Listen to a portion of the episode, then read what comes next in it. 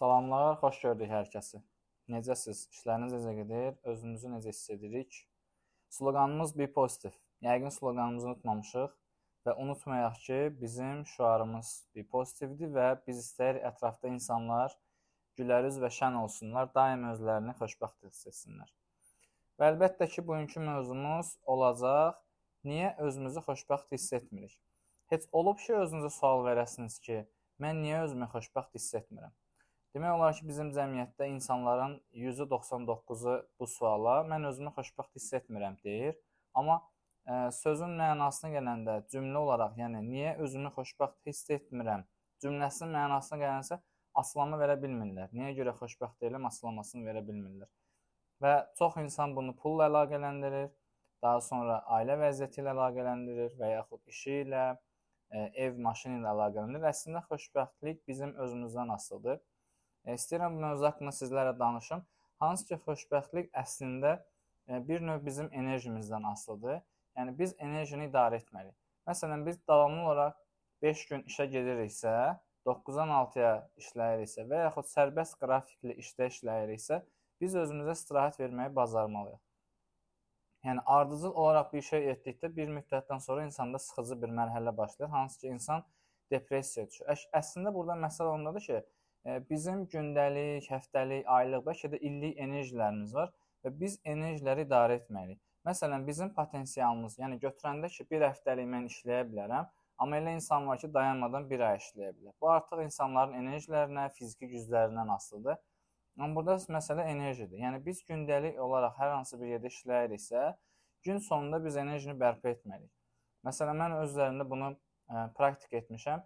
Soyuq duş qəbul etməkdir, mahnı dinləməkdir, e, dəniz qırağında gəzməkdir, təbiətdə gəzməkdir, parkda gəzməkdir. E, xoş olan insanlar, ətrafından xoş olan insanlarla söhbət etməkdir, yeni fikirlər e, yeni fikirlər haqqında, yeniliklər haqqında mütaliələr etmək, araşdırmalar etmək bu mənə müsbət enerji verir. Hansı ki, müsbət enerji dedikdə hansı ki, biz xoşbəxt oluruq, bizim əhvalımız açılır. Yəni bir növ fikirləşin ki, biz hər hansısa bir oyundayıq və yaxud hər hansı bir e, elektriklə işləyən bir maşındır və istifadə etdikcə onun enerjisi başlayır aşağı düşməyə. Yəni biz el arasında batareya deyirlər, hansı ki, e, enerji alətimizdə belə deyək, Azərbaycanca tərcümə edəndə enerji enerjimiz. Yəni biz enerjini elə idarə etməliyik ki, gün ərzində istifadə etdiyimiz enerji azalıbsa, onu bərpa etməliyik. Məsələn, maşınlar necə ki, belə deyək, zərərətkiyə taxılır, yəni enerji qəbul edir. Bizim də enerjimiz olmalıdır. Yəni biz bunu həyatımıza tətbiq etsək,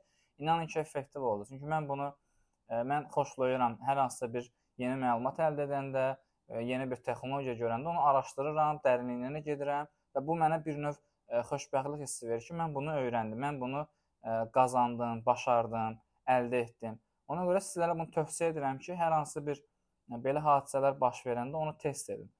Məsələn, yenə qeyd edirəm, mən ə, bu soyuq duş qəbul etmə, mahnı falan dinləməyə edəndə bir növ hiss edirəm ki, mən nəsə elə bil ki, ə, özümü daha yaxşı hiss edirəm. Yəni xoşbəxt deməyək də, özümü daha yaxşı hiss edirəm və artıq bu o deməkdir ki, mən enerjimi bərpa edirəm. Məsələn, mənim gün ərzində işlədiyim və 100% enerjim gəlib 30%-ə düşübsə, mən artıq onun ə, yuxarı qaldırmağı fikirləşirəm ki, mən nə etməliyəm? Yəni bunu çox adam ə, mən cəmiyyətdə fikirləşirəm ki, insanlar əslində enerjilərini düzgün idarə etmirlər. Çünki hamı elə bilir ki, 8 saat yatanda ə, normal dincələcək. Xeyr, əslində belə deyil. Gün ərzində biz 4-5 saat yataraq da hədəflərimizə doğru gedə bilərik.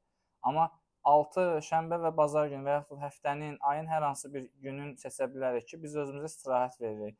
Ə, normal qaydada belə deyək yatırıq və yaxud ə, qidalanmaya fikir vermirik. Yəni bunlar hamısı ə, birlik təşkil edir. Yəni kompleks şəkildə olmalı. Məsələn, mən e, Instagramda və sosial şəbəkədə paylaşıram ki, səhər səhər 5-in e, yarısı 5-də qalxıb yürüyüş edirəm yarım saat, 1 saat və çox insanlar bəlkə edir ki, nə oldu? Bu insan bezmir, yorulmur, enerjisi tükənmir.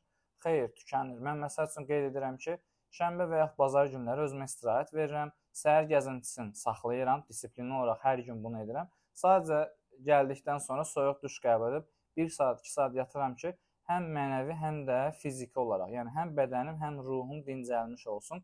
Və bunu mən test edirəm və görürəm ki, effektivdir. Ona görə istəyirəm ki, sizlər də bunu test edin və əgər effektiv olarsa, sizlər də öz həyatınızda bunu tətbiq edin ki, ə, enerjinizi idarə edə bilərsiniz. Çünki əgər düzgün idarə etməsək bizi depressiyaya salacaq. Bax belə məsələn cəmiyyətdə görürük insan bəzən ki, bu nədir? O iş alınmadı, bu iş alınmadı, işim sıxıcıdır, işlərim alınmır, yaxşı pul qazana bilmirəm, çox pul qazanıram. Yəni bunlar hamısı şikayətlənmək əslində enerjinin düzgün idarə edilməməsidir.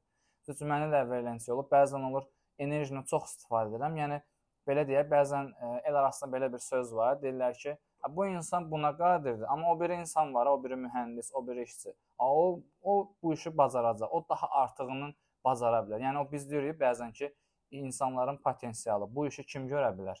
E, idarə etmədir, insanlarla işləməkdir, zamanın düzgün idarə olunması. Yəni bu e, bacarıqlar, skills deyir ingilislər. Bu bacarıqlar olanları biz daha seçirik və bu əlbəttə ki, bizim enerjimizə aiddir. Yəni biz bilməliyik ki, enerjimiz tükənib və biz artıq dayanmalıyıq. Amma bəzən biz nə edirik? Özümüzü e, yuxumuz gəlir və yaxud hər hansı bir fiziki yorğunluğumuz var, amma biz o işi etməyə davam edirik ki, yox mən bu işi edəcəm, o işi edəcəm.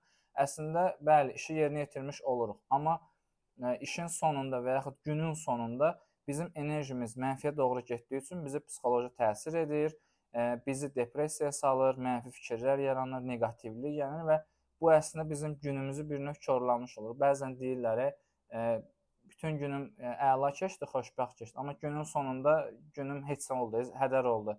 Bu qədər iş gördüm, amma günün hədər oldu. Çünki biz enerjimizi düzgün idarə etmək. Əgər yorğunluqsa, məsələn, olur işdən çıxanda bu gün çox iş görmüşüksə, e, fiziki və yaxud mənəvi beynimiz işləyibsə, biz dayanmalıyıq. Əgər bu gün özümüzü yorğun hiss ediriksə, biz e, yatmalıyıq, dincəlməliyik, parkda gəzməliyik. Yəni nəyi istəyiriksə, onu etməliyik. Məsələn, mən soyuq duş qəbul etmək istəyirəm. İstəmirəmsə parkda, mən özümü zorlasam desəm, yox, mən gedirəm parkda gəzməyə və onun ə, e, əksinə mən müsbət enerji qəbul etməliyimsə, enerjimi doldurmalı idimsə, enerjimi xərcləmiş oluram və mənim enerjim mənfiyə düşür və mən parkdan gəzirəm, başım ağrıyır, özüm pis edirəm. Bu nədir? Bu gün niyə belə pis keçdi deyirəm.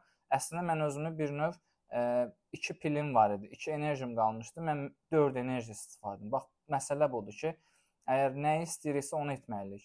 Mahnı dinləməksə mahnı dinləyək, bu gün gəzmək istəmirsə gəzmək. Yəni e, başa düşürəm bizdə cəmiyyətdə bəzən e, ətrafımızda olan dostlar, insanlar bizə düzgün baş, qarşılamır və deyirlər ki, nə oldu? Mən elə nə vaxt səni çağırıram gəlmisən. Əslində bu ə, e, düzgün yanaşma deyil. Mən çünki enerjimi idarə edirəmsə, bu gün gəzmək istəyirəmsə, sabah mahnı dinləmək istəyirəm, növbəti gün ə, üzmək istəyirəm. Bu artıq mənim özümdən asılıdır. Ə, və bəzən insanlar bunu normal qarşılamır. Əslində burada planlama da vacibdir. Yəni bax planlı şəkildə biz günləri bölsək, enerjimizi düzgün istifadə edə bilərik. Bəzən düzdür, bir sahibkar olmaq üçün, uğur qazanmaq üçün əziyyət çəkmək. Amma əziyyət çəkən, uğur qazanan insanların həyatını oxusanız, görərsiniz ki, onların həyatında bir disiplin var. Yəni hər gün siz səhər dura bilərsiniz saat 5-də, 6-da.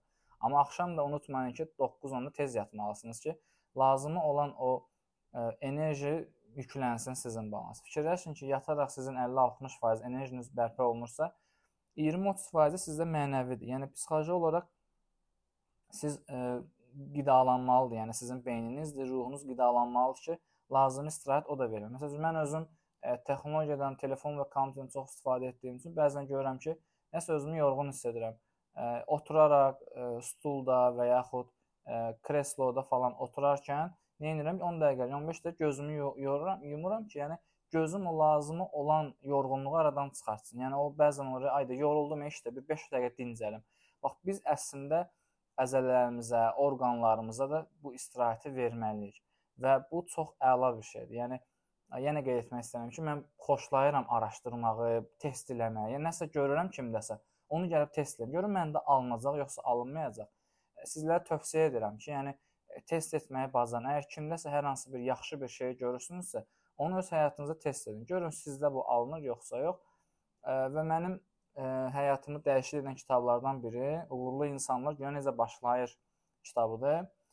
Bu kitabı tövsiyə edənsə Orxan bəydir, Orxan Şahbazı. Ona təşəkkürümü edirəm. Çünki həqiqətən kitabda fərqli fikirlər var, fərqli mütəxəssislər var, fərqli sahə insanları var və hər insanın özünün rutini var.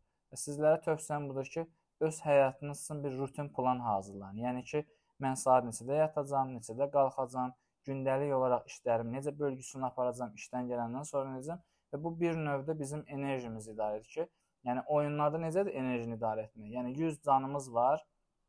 100 canı idarə edirik ki, can düşəndə nə edir orada? Gedir, məsəl üçün bəzi oyunlarda var, qida yeyir, içki içir ki, o enerjisi bərpa olunsun. Və sizdən rəylər almaq istəyəcəm ki, siz özünüzə heç bu sualı vermisinizmi?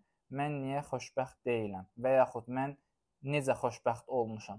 Əgər bu suallara cavab tapmısınızsa, Instagramda bir post paylaşacağam. Bu podkastı dinlədikdən sonra Instagramda sizin rəylərinizi gözləyəcəm və birlikdə müzakirə edərik. Və dinlədiyiniz üçün təşəkkür edirəm.